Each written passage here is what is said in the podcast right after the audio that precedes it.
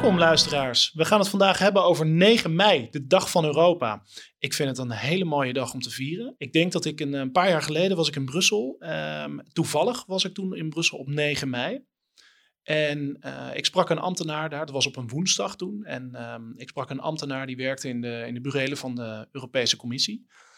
En die vertelde me dat hij die dag vrij had, omdat het 9 mei was. En ik dacht, hoezo, wat is er met 9 mei? Ik moest meteen denken aan de oorlog, uh, bevrijdingsdag, maar dat hebben we toch al gehad. Um, ik moest aan andere data denken, misschien de Eerste Wereldoorlog, dat was het ook niet. Maar het bleek de dag van Europa te zijn.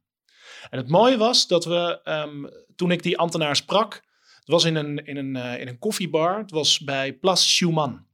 Uh, om de hoek. En dat is in Brussel, in de Europese wijk, waar alle uh, instituten van de Europese Commissie en de Europese Raad zijn gevestigd. Ik heb er zelf ook een paar jaar gewerkt. Ze kennen die wijk goed.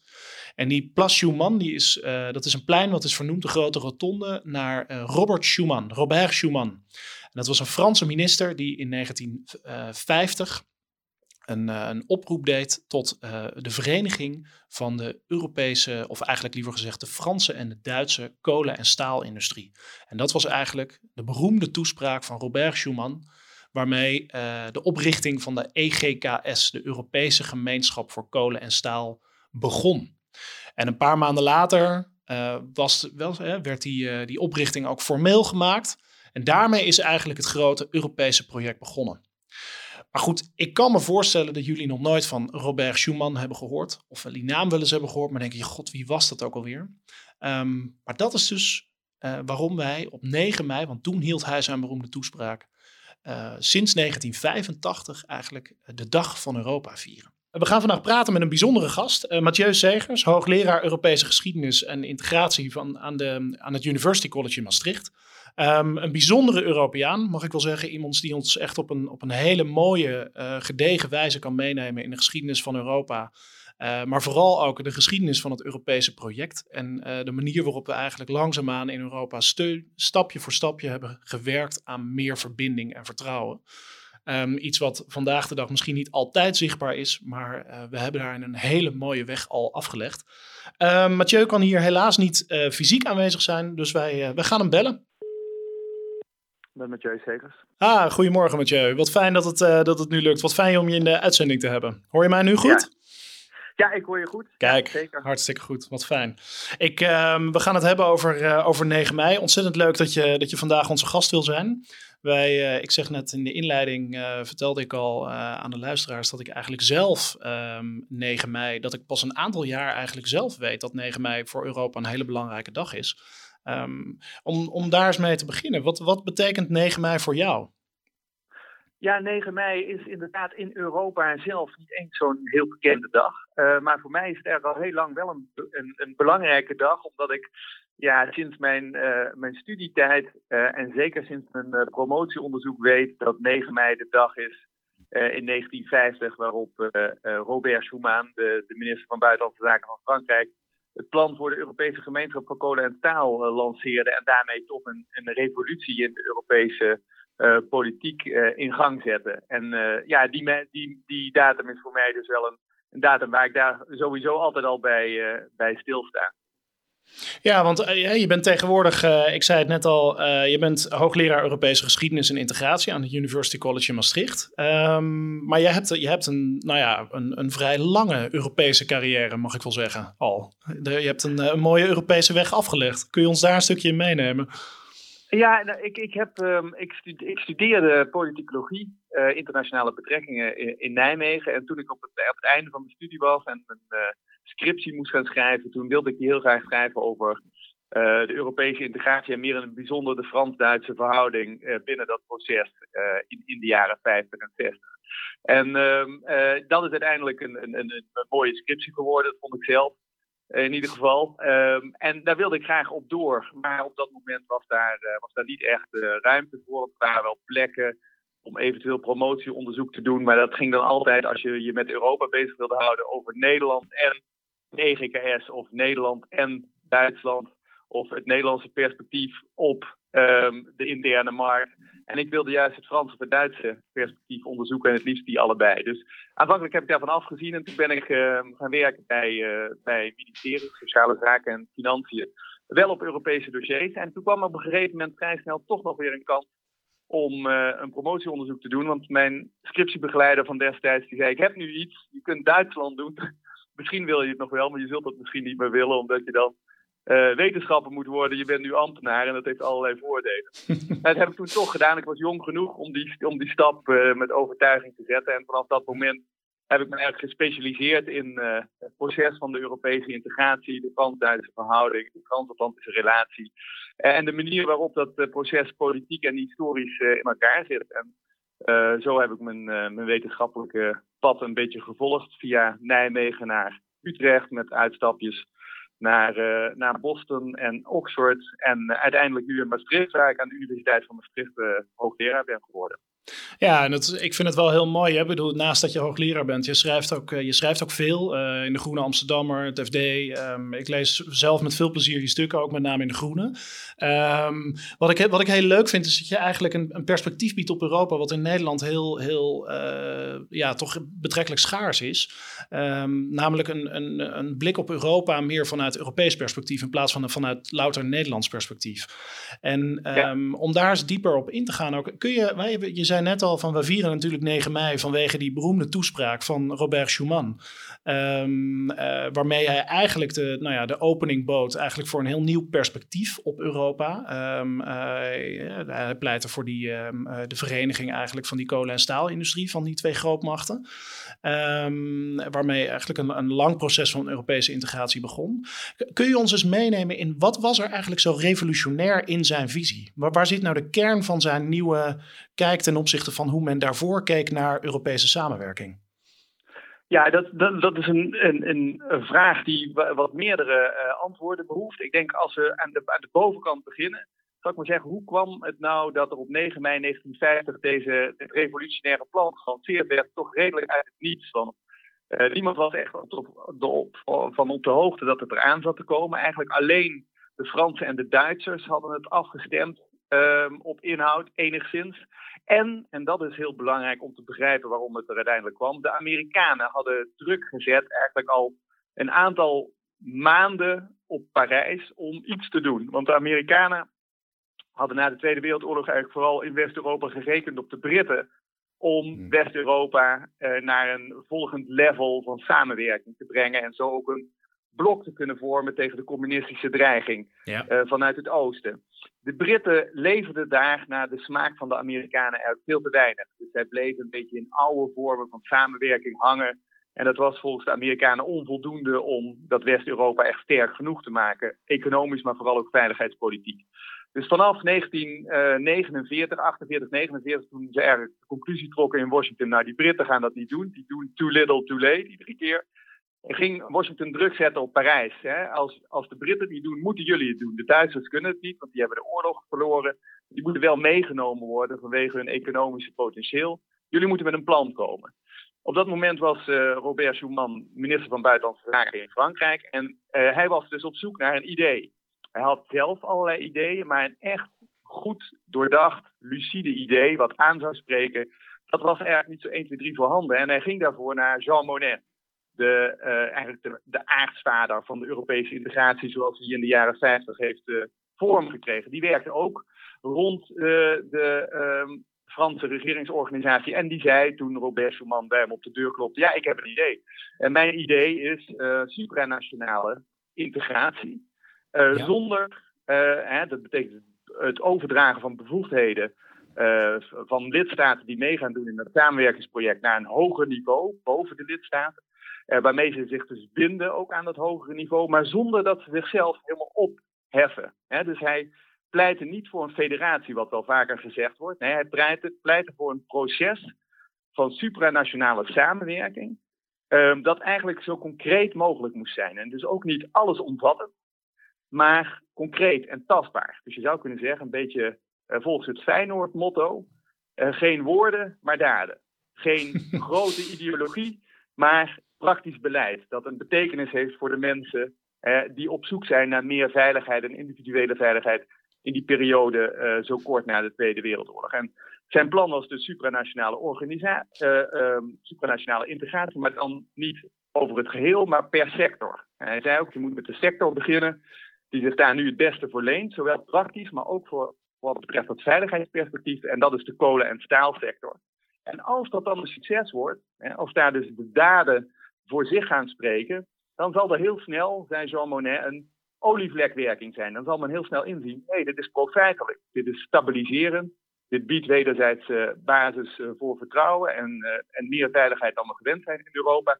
Zullen we niet ook andere sectoren op zo'n manier gaan benaderen? En dan krijg je een steeds breder fundament voor de natiestaten van Europa om, om op voor te bouwen. Nou, en daar zit eigenlijk de revolutie. En de revolutie is het loslaten van de grote ideologieën, die natuurlijk de eerste helft van de 20e eeuw helemaal gedomineerd hadden in Europa met fatale gevolgen. Um, en het focussen op beleid en concreet resultaat uh, in mensenlevens op het gebied van veiligheid en dus ook individuele veiligheid als het gaat bijvoorbeeld om sociale rechten en sociale rechtvaardigheid. Daar kunnen we zo misschien dadelijk nog wat meer uh, over hebben. Dus um, dat is wel degelijk een revolutie, maar niet ja. zoals Europa ze van oudsher gewend was, met het omverwerpen van oude ordes, oorlog en geweld.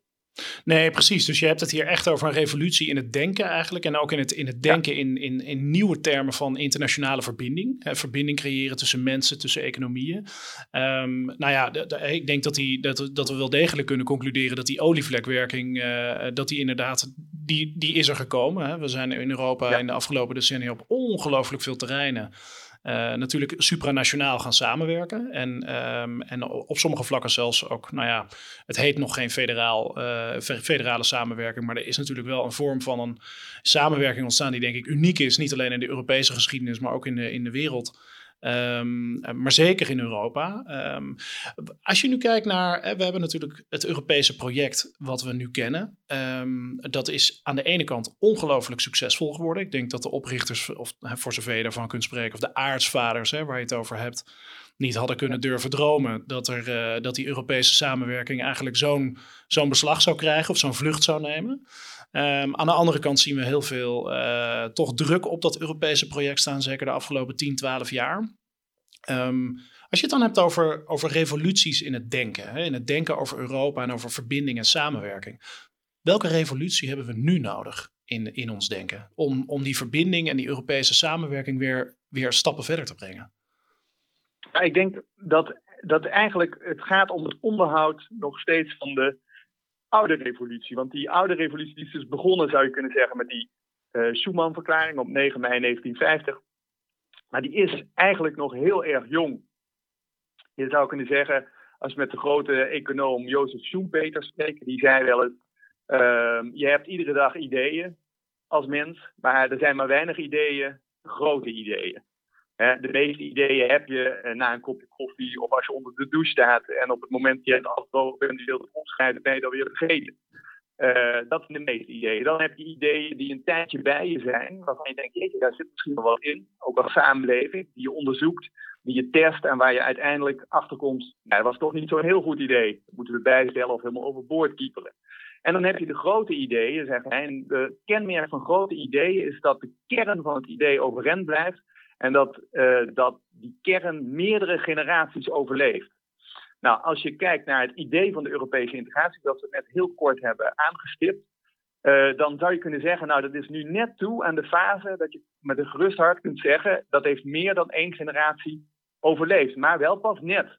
en dat geeft aan dat het eigenlijk nog in de fase zit van bestendiging. En dus ook van ja, uh, beter begrijpen waar het nu precies over gaat. En ik denk dat, dat daar dus nog heel veel in zit, ook voor vandaag. En om het iets iets verder uit te werken. Er zit ook een, een, een, daar zit eigenlijk ook de grote denkvitaliteit. Uh, uh, uh, als we teruggaan naar het originele idee. Want waar zat die revolutie nu behalve in dat supranationale wat we net besproken hebben, die sectorintegratie, zat ook in een, in een diepere laag. Namelijk dat dat idee van Jean Monnet en Robert Schuman ervan uitging dat Europa niet veilig kon zijn als er niet iets kwam naast de natiestaten van Europa, die sinds de Vrede van Münster 1648 eigenlijk de Europese politiek helemaal bepaalden. Ja. En die iedere keer ja. zorgden voor dezelfde dynamiek, namelijk de dynamiek van een veiligheidsdilemma. Die je zou kunnen samenvatten heel kort als jouw veiligheid is mijn onveiligheid. Die mhm. dynamiek bepaalde de Europese politiek iedere keer opnieuw en leidde iedere keer opnieuw tot wapenwetlopen, uh, oplopend wantrouwen tussen de verschillende natiestaten en dus oorlog. En Jean Monnet en Robert Schuman zeiden: als je die dynamiek wil doorbreken, dan kun je dat niet met een nieuwe grote revolutie door alle natiestaten opwerken, maar moet je een nieuw soort collectief geheugen gaan opbouwen. Naast het collectief geheugen van al die afzonderlijke natiestaten. Waaruit blijkt in dat, in dat nieuwe collectief geheugen dat je met samenwerking hè, ook hele goede dingen kunt bereiken. En dat daar misschien wel de uitvlucht zit ook voor die natiestaten om in een wereld te komen waarin ze zelf minder bedreigd zijn en uiteindelijk ook stabieler en sterker kunnen worden. Kortom, naast het collectief geheugen dat ieder land uh, van Europa heeft, heel erg geworteld in nationale tradities en soms ook uh, uh, in uitwassen van, van een heel gewelddadig nationalisme, moet een andere zelf van collectief geheugen worden opgebouwd waarin diezelfde natiestaten samenwerken. En die wel, die moet eigenlijk staan voor de merites van elkaar de hand reiken, uh, wederzijds uh, uh, opening bieden, bijvoorbeeld in de handel via een gemeenschappelijke markt en op die manier een basis voor vertrouwen leggen, waarmee je je omgeving als natiestaat veel stabieler en veiliger maakt en er dus ook direct voordeel bij hebt.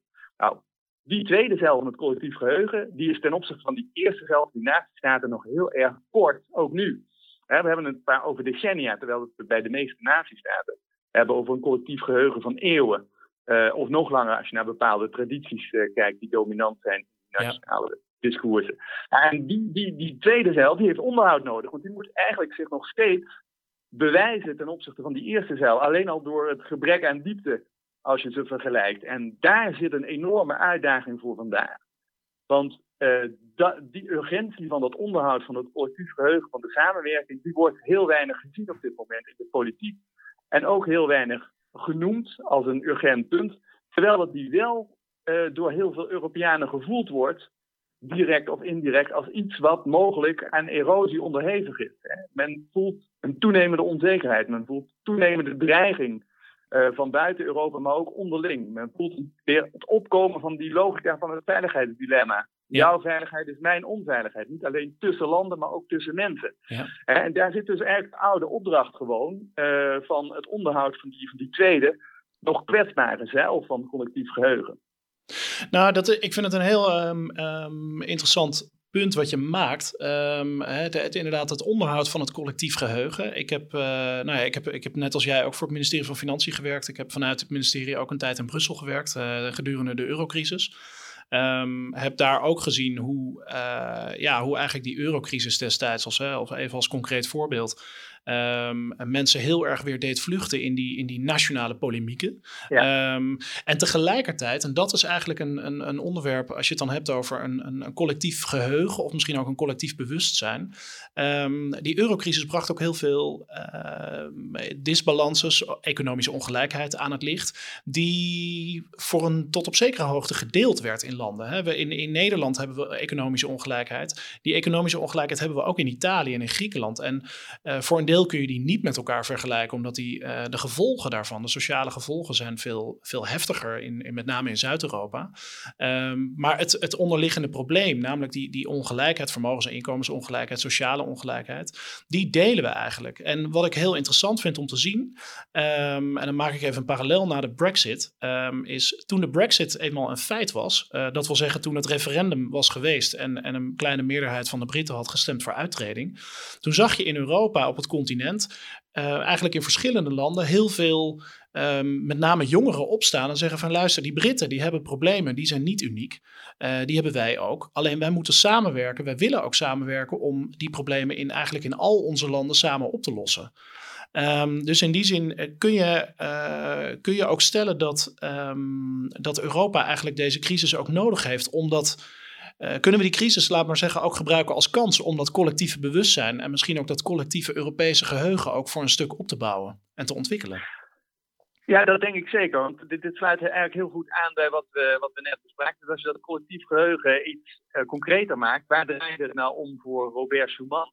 Wij hebben het over de jaren 50. Hij werd heel erg gedreven nog door ook een uh, katholiek-christelijk geïnspireerde agenda. Hij was een uh, christendemocraat. Hij stond voor sociale rechtvaardigheid als, als misschien wel het grote speerpunt van zijn naoorlogse politieke positie. Um, en daar stond hij zeker niet alleen in, want zijn hele generatie refereerde op dat moment aan um, uh, de grote depressie uh, en de economische crisis van het interbellum, waar natuurlijk ook um, de, de samenlevingen van, van Europa, maar ook die van Amerika, uit elkaar gespeeld waren door ongelijkheid. Alsmaar grotere ongelijkheid en sociale malheur voor hele grote groepen in de samenleving. En de analyse van de generatie van Schuman was dan ook dat is een kiem geweest voor de verdere escalatie van al dat nationalisme dat we al hadden opgewerkt met de Eerste Wereldoorlog in een nog brutere en vreselijkere vorm in de Tweede Wereldoorlog. als we dat willen voorkomen, als we dat collectief geheugen van samenwerking tussen mensen willen opbouwen, dan moeten we juist aandacht hebben voor die sociale dimensie. En um, dat is ook heel belangrijk in zijn Schuman-verklaring van 9 mei 1950. Want de kern zinsnede daarin in, is uh, uh, une solidarité de fait, zoals hij het zelf noemt. Ja. Een feitelijke solidariteit. En daarmee, dat werkte hij uit in het sociale domein. En dat is een opdracht die dus vanaf het begin af aan in de Europese integratie zit. En die ja. eigenlijk in de loop der tijd vergeten is. En je zou het best wel kunnen zeggen, misschien helemaal weggemoffeld. En dan komen we ook bij Brexit. Want de Britten zijn natuurlijk later bij het Europese integratieproces gekomen. Dus als we teruggaan naar het begin van dit gesprek, toen de Fransen het initiatief namen, deden de Britten niet mee. Die bleven buiten de EGKS ja, en buiten het Frans-Duitse Europa. Zij kwamen er pas echt bij in 1973. En ze gingen eigenlijk in 1991 met het verdrag van Maastricht er alweer half uit, omdat ze niet meededen aan de monetaire unie. Nee, precies. Maar in, dat, in die korte tussenperiode tussen 73 en 91 en ook na 91 zijn de Britten wel heel erg invloedrijk geweest in de sturing van het proces van Europese integratie in de richting van wat wel paste bij het plan van Monet, maar daar eigenlijk maar een onderdeel van is, de zogeheten negatieve integratie. Het weghalen van belemmeringen voor onderling verkeer, met name handel, vrij verkeer, goederen, diensten, personen en kapitaal. Dat is heel ver doorgevoerd, onder andere onder Britse uh, druk. Nederlanders hebben dat ook altijd gesteund. Dat is ook succesvol geweest economisch, maar het heeft ook een schaduwkant. Uh, gehad in de sfeer van die ongelijkheid en het vergeten van die tweede pijler die uh, op dat sociale uh, gericht was. En je zou kunnen zeggen dat de ironie van de geschiedenis is dat de Britten de Europese Unie he hebben verlaten op het moment dat die Europese Unie Britser is dan ooit. Heel erg anglo-saxisch, ja. heel erg gericht ja. hè, op, dat, op dat liberale ideaalbeeld van zo min mogelijk belemmeringen zonder te kijken naar de negatieve repercussies daarvan in het, uh, in het sociale domein, in de samenleving. En daar zit nu inderdaad, denk ik, uh, ben ik helemaal met je eens, het urgente punt van deze tijd. Want als je zeker kijkt naar de jonge generaties die jij ook aanhaalt en de reactie naar Brexit, ook in het Verenigd Koninkrijk zelf, generaties, dan zie je dat dat de drijvende um, onvrede is met de gang van zaken. Dat er geen oog is voor, die, voor die centrifuge die via dat liberalisme, hè, wat in zekere zin op bepaalde punten echt doorgeschoten is, in gang is gezet. Um, uh, nee. en, en zorgt voor het uiteenslingeren van samenlevingen tussen mensen met, met meer en minder bezit, tussen generaties. Uh, en het gaat iedere keer uh, om dezelfde kwesties, namelijk kun je compenseren via het sociale domein. En de oeropdracht van het Europese integratieproces is eigenlijk dat dat de solidariteit bezet zoals eh, Schuman het noemde, de opdracht is aan het Europese integratieproces uh, voor wat betreft de impact in de levens van mensen. Ja. het grote concept en de technocratie. Nee, maar hoe moet het uitwerken? Het moet uiteindelijk uitwerken in het sociaal domein. Ja. En daar heeft uh, de laatste twee, drie decennia het echt aan ontbroken. En kun je, want ik, wat ik, uh, je, je gebruikte net de term negatieve integratie. Hè? Eigenlijk het niet zozeer ja. het positief willen integreren, maar meer het wegnemen van belemmeringen. Um, ja. En dat vind ik een heel interessant fenomeen. Want wat, wat, wat er eigenlijk is gebeurd, is dat we hebben gezegd als Europa uh, of als Europese Unie, uh, we nemen een hoop interne belemmeringen weg.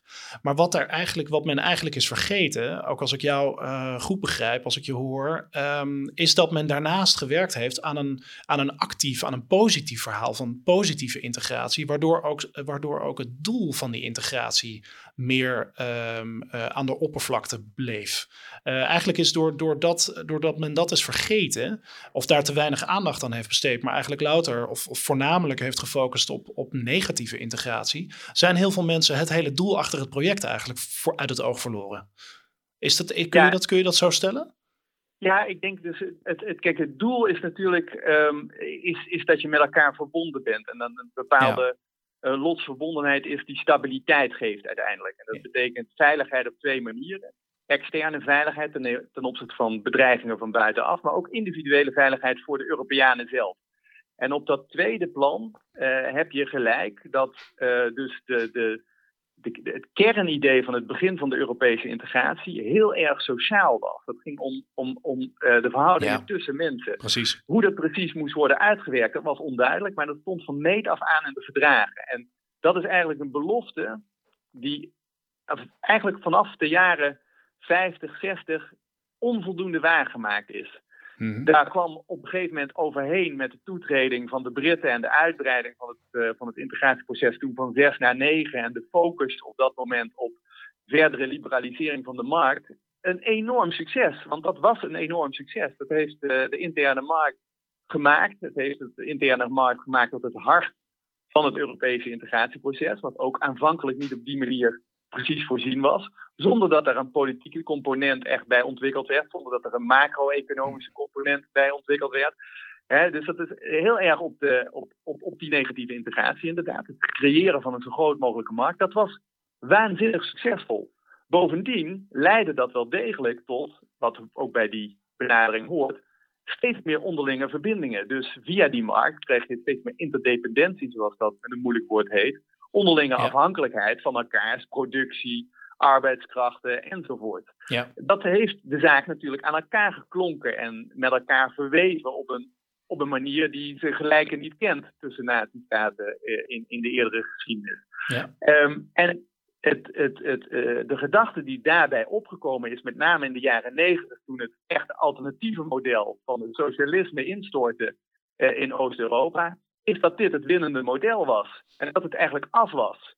Ja, maar en je kunt dus... werd dus vergeten dat die sociale component eigenlijk nog niet ontwikkeld uh, was. Nee, en precies. in die zin heeft dat, is, is, is, dit ook de prijs van het succes, als het ware, waar we ons nu in bevinden. Nou, misschien dat je, misschien dat je zou kunnen stellen, maar ik ben wel benieuwd hoe je daar naar kijkt, is dat je, uh, je, je zegt uh, die negatieve integratie, die marktintegratie, hè, het is met name een, een marktintegratie ook geweest, een liberale, volgens een, een vrij liberaal gedachtegoed. Um, die, heeft, die heeft ons in zekere zin aan elkaar vastgeklonken, die heeft ons afhankelijk van gemaakt van elkaar economisch. Um, maar misschien is het wel zo dat, ik bedoel, net als in een relatie, wederzijdse afhankelijkheid kan, uh, kan, heel, kan heel fijn zijn. Um, als je heel veel van elkaar, hè, als je elkaar ziet, uh, wie de ander is en als je elkaar vertrouwt. Maar het kan ook heel veel angst uh, zorgen bij de, bij de individuele actoren. En ik denk, doordat er te weinig is, is gefocust op die, op die uh, positieve integratie eigenlijk, die, die, die, die solidaire, die solidariteitsintegratie, um, is het te veel een afhankelijkheidsrelatie geworden die bij sommigen misschien meer angst oplevert en inboet dan dat, het, dan dat het vertrouwen geeft voor een gezamenlijke toekomst. Ja, nee, zeker als je kijkt naar de partijen die dan die samenlevingen maken. Dus bijvoorbeeld bedrijfsleven en individuele burgers ja. op een geflexibiliseerde arbeidsmarkt of jonge mensen die een huis willen kopen. Hè, dan ga, zie je daar precies gebeuren uh, uh, wat jij beschrijft. Um, en ik, ik, denk dus ook dat je, de, dat, dat, dat, um, ja, dat je dat eigenlijk heel goed uh, kunt, kunt zeggen over de huidige tijd. Um, die sociale belofte die niet waargemaakt is, ja, dat is nu de urgente opdracht om de zaak überhaupt levend te houden. Want wat is er uh, verloren gegaan, zeg maar, in dat succes van die liberalisering? Want het is en blijft een heel groot succes. Maar er is iets heel belangrijks verloren gegaan, namelijk het meer ethische, normatieve, spirituele uh, element ja. in dat uh, Ja. Europese integratieproces. En uiteindelijk kun je niet zonder die elementen als je de mensen wil aanspreken. En Nee, het precies. Europese integratieproces is een proces van lidstaten. Die lidstaten zijn uh, uh, democratische rechtsstaten. Dat betekent dat je voor iedere stap in de Europese integratie, ook voor iedere tussenstap, ook voor iedere pauze, legitimiteit moet ophalen in die democratieën. Ja. En die legitimiteit haal je nooit op met een alleen maar liberaal programma. Die zul je moeten ophalen met een verhaal dat ook geworteld is in normen, spirituele overtuigingen, uh, uh, stippen waar je naartoe werkt. En, en dat gedeelte is door het succes van, van dat liberale programma echt naar de achtergrond gegaan en ook verwaarloosd. En daarom zijn we dus ook de, de verbinding met dat collectieve geheugen een beetje kwijt. Zeker in het publieke en het politieke discours op dit moment. Dat geldt in heel Europa. Ja, nou, wat ik, ik vind het heel, heel treffend wat je zegt. Ik heb, ik heb zelf mijn eigen ervaring in. Uh, ik heb een paar jaar in Brussel mogen werken um, uh, namens financiën. En uh, wat ik daar heel vaak hoorde, is mensen. Ik hoorde mensen heel vaak zeggen: we moeten de burger meenemen. we moeten de mensen meenemen. En wat ik altijd zo fascinerend vind aan die uitspraak, is dat ik, um, dat ik mijn antwoord daarop was vaak: nee, we moeten ze niet meenemen. We doen het voor die mensen. Uiteindelijk is, is Europa is er voor die mensen en moet voor die mensen zijn, voor alle Europeanen. Ja. He, dus eigenlijk spannen ze vaak, uh, door, die, door dat zo te stellen, um, spannen ze het paard achter de wagen. Um, Zeker. En dat vind ik heel boeiend. En, en een van de dingen, um, dan moet ik denken aan iets wat je eerder zei, aan het begin eigenlijk. Je begon met Robert Schuman, um, uh, naar aanleiding van hè, waarom vieren wij 9 mei op 9 mei, hè, de dag van Europa op 9 mei. Je begon met Robert Schuman. En toen zei je.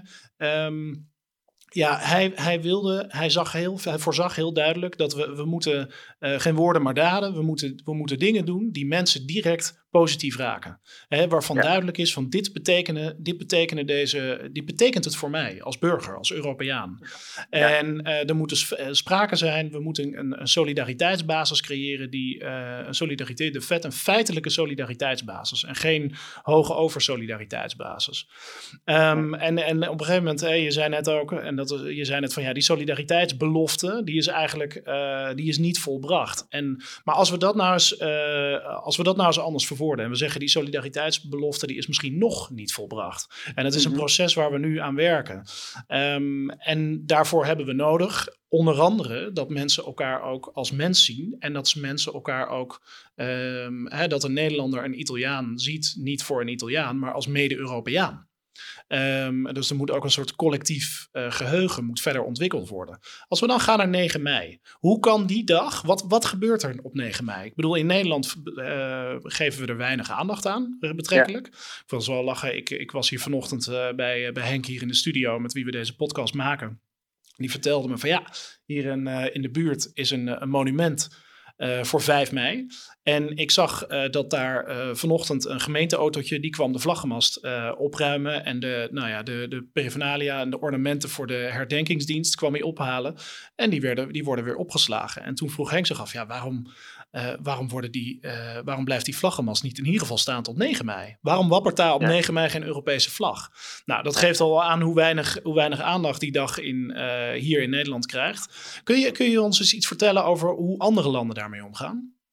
Ja, nou, in Nederland gaat er inderdaad heel erg um, minimalistisch mee om. En er is bovendien een grote vlagschaamte in Nederland als het gaat om de Europese vlag. Hè, tot op het niveau van, uh, van de regering aan toe. Dus uh, Nederland spant op, op, bepaalde punten wat dat betreft de, de kroon bij het bagatelliseren van de dag zelf. In, in Luxemburg bijvoorbeeld, hè, ook een van de stichters van, uh, van de Europese integratie van de zes, die begonnen met de EGKS. Ehm, daar is het een vrije dag sinds een aantal jaren. Dus die hebben een soort volgende stap gezet. En in de andere landen zie je met name eh, toch wel in het onderwijs eh, een, een alertering op zijn minst. Dat dit een belangrijke dag is in de naoorlogse geschiedenis van het betreffende land. België, Frankrijk, Duitsland. Daar heb ik het dan in eerste instantie over. En ik denk dat daar een heel belangrijk punt zit. Kijk, uh, uh, collectieve identiteiten en dergelijke, die maak je niet. Zoals je net eigenlijk al zei, hè, je moet mensen niet meenemen. Nee, de mensen dragen iets of ze dragen het niet. Ja, precies. En op het moment dat de mensen het project niet meer dragen, dan bestaat het niet meer. Dan is het, dan is het geestelijk dood en dan zal het uh, uh, een langzame of snelle dood sterven in de realiteit. En dat is een hele reële dreiging als het gaat om het Europese integratieproces. En het moet, het, die impact op dat individuele niveau is wat dat betreft uh, cruciaal. En daarvoor is natuurlijk eerst zelfkennis nodig. Je moet wel beseffen dat als je bijvoorbeeld een Nederlander bent in deze periode, in de naoorlogse periode zoals we het nog altijd noemen, na de Tweede Wereldoorlog, dat jouw succes, geluk, um, stabiliteit als samenleving voor een heel groot gedeelte afhankelijk is geweest van het succes van het Europese integratieproces. Anders gezegd, die Europese integratie is een integraal onderdeel van het uh, succes van de Nederlandse welvaartsstaat zoals die is opgebouwd na de Tweede Wereldoorlog. En die geldt als een van de gelukkigste ter wereld. Ja. Als je dat integrale onderdeel consequent onbenoemd laat, niet aan de orde stelt, er geen onderwijs aan besteedt, uh, ja, dan verwaarloos je dus een deel van jezelf. En neemt je zelfkennis af en ben je dus ook veel kwetsbaarder om dingen te doen die uiteindelijk uh, niet in je eigen uh, belang zijn, omdat je dat niet helemaal kunt overzien. En dat, dat dreigt wel heel erg. Dus als je het hebt over. Ik, ik, ik, hou niet zo van het woord identiteit uh, in dit geval. Maar ik hou meer van verbondenheid, zal ik maar zeggen, aan, aan, het, aan de Europese integratie. Ja. en die verbondenheid kan op allerlei manieren. Die kan ook, moet ook zeker kritisch zijn. Hè. Het is absoluut niet zaligmakend, alles wat er in de Europese integratie gebeurt. Maar die verbondenheid die is wel heel cruciaal dat die niet alleen gekend, maar ook gevoeld wordt, omdat hij nou eenmaal een onder, integraal onderdeel is van het land waarin wij nu leven en dat we zo graag gezond en vitaal willen houden uh, op allerlei manieren.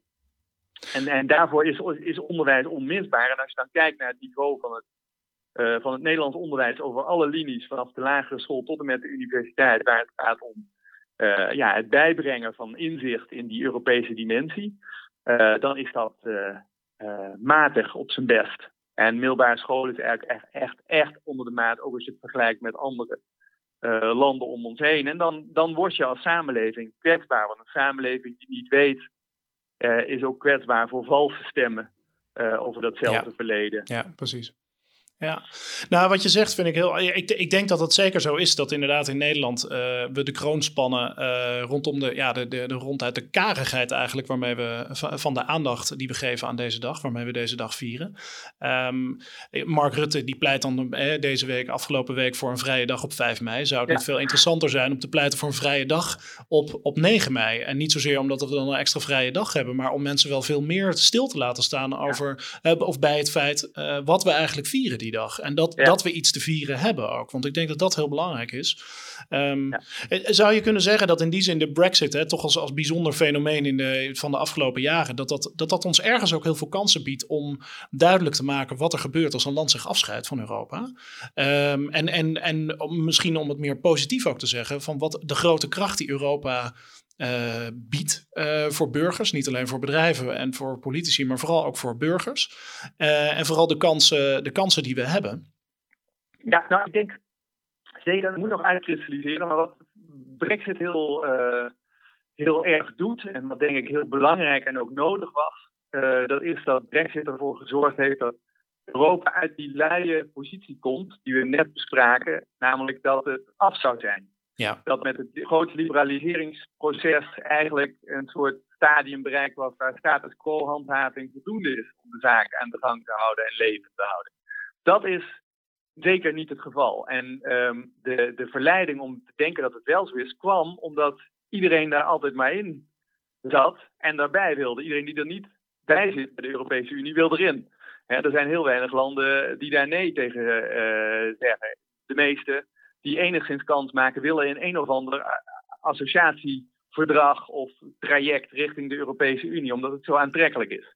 Dat heeft het denken heel erg lui gemaakt. En de belangrijkste houding die je moet hebben eigenlijk in Europa, ook op basis van de, de beschaving die we met elkaar ontwikkeld hebben, uh, onder andere in de verlichting, is dat je altijd de vraag moet kunnen stellen: waarom? Waarom zitten we erin? Waarom doen we dat? Die vraag is decennia lang niet gesteld, omdat het aangenomen werd als een fact of life lid zijn van de Europese integratie. Ja. En zeker in West-Europa.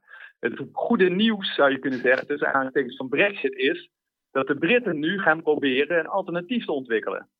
He, en dat, uh, uh, dat er een alternatief is voor dat lidmaatschap van de Europese integratie. Dat hen dat gekneveld heeft, bij wijze van spreken, op bepaalde punten. En dat ze nu gaan laten zien uh, dat het zonder die kneveling hen beter afgaat. Dat is de ambitie van de Brexit-agenda.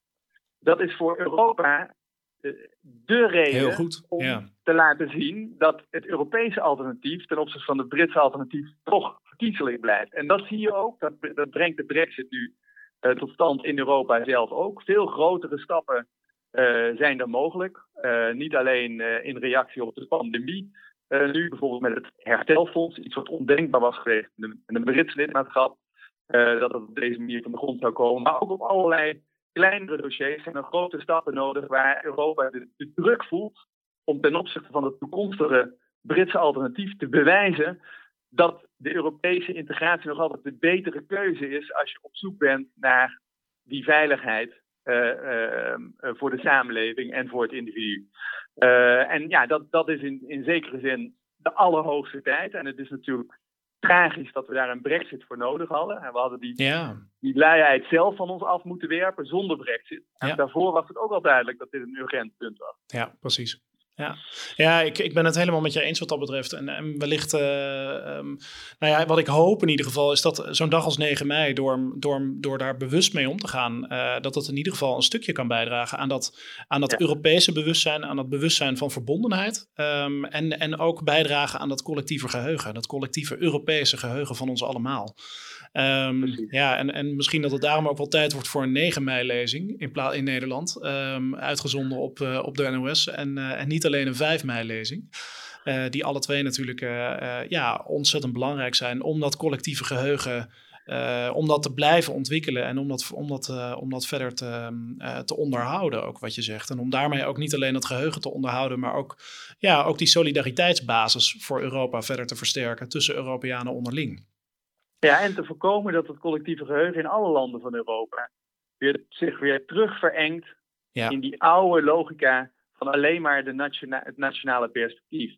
En, en die druk zit er op dit moment enorm op. Dus dat is inderdaad uh, uh, een extra ja, urgentie, zou je kunnen zeggen, om uh, na te denken of je inderdaad zo'n dag als 9 mei niet kunt gebruiken als een, als een, ja, een ankerpunt ieder jaar om dit onder de aandacht te brengen. Zodat, het niet, ja, zodat het niet verdwijnt onder de, de, de waan van, van het moment.